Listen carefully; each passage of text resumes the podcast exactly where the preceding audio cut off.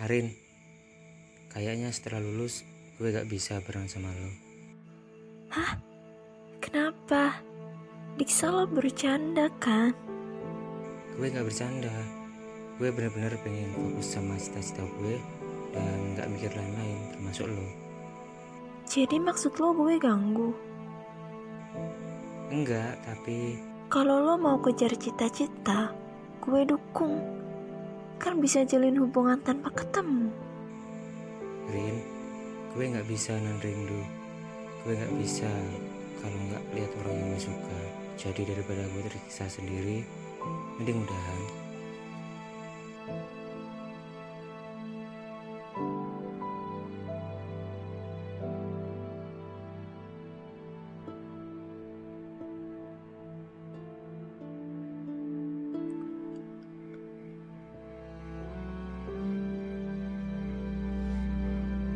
Semena-mena diri dihantam luka.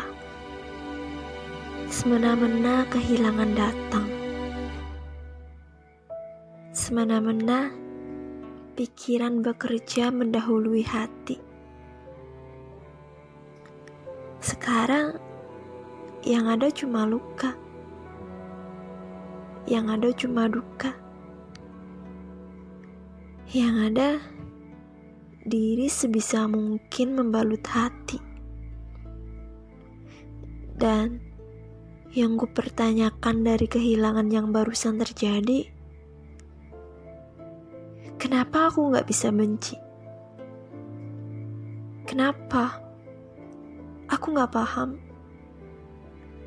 Sejumlah emosi jadi sering datang tanpa haluan. Sekarang coba deh dengerin musik Fato. Ada bagian nadanya mengisyaratkan kehilangan yang dalam, yang berisi rindu, yang berisi kesedihan oleh hal-hal yang telah pergi. Pada dasarnya, semua kehilangan berdasar dari cinta bukan soal lelaki atau apa pun tentang asmara. Bukan, bukan cuma soal itu. Boleh jadi suatu barang, keluarga, sahabat yang memilih untuk memisah diri dari kita. Ya, kalau memang itu merupakan pilihan yang terbaik, jelas akan terjadi. Tak terpungkiri mengakibatkan hal buruk seperti kita seolah tak mampu lagi hidup tanpa mereka. Biar bagaimanapun, kehilangan selalu memicu rindu. Dan rindu paling menyiksa adalah rindu yang timbul sedetik setelah kehilangan.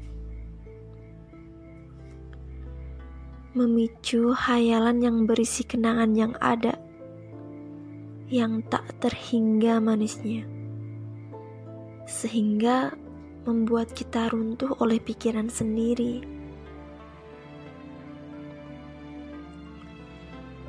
Kalau berbicara soal pergi, kenangan indah berubah jadi pahit. Semena-mena menjelma drastis menjadi menyakitkan. Padahal dulu dilalui dengan bahagia. Dulu dilalui dengan tertawa. Dulu dilalui tanpa apa-apa yang berbau menyedihkan.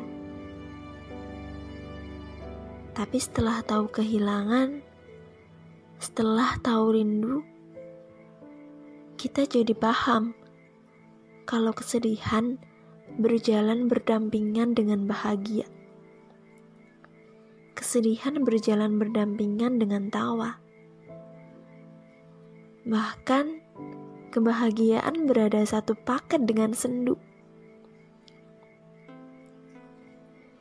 Memang sih, gak seru kalau gak ada rindu. Biarpun kadang gak tahu siapa yang dirindukan. nggak tahu untuk siapa perasaan tertuju.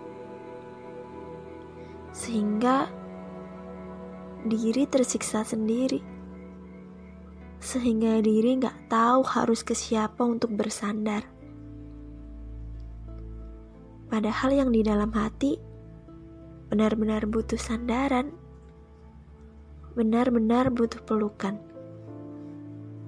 Dan sekarang, siapa pun yang mendengar podcast ini, jangan ragu-ragu untuk merangkul siapa pun di samping kita yang sedang sakit. Kan hidup itu kayak hukum Newton ketiga. Aksi sama dengan reaksi apa yang kita lakukan ke orang lain, pasti begitu pun orang lain akan memperlakukan kita, kan?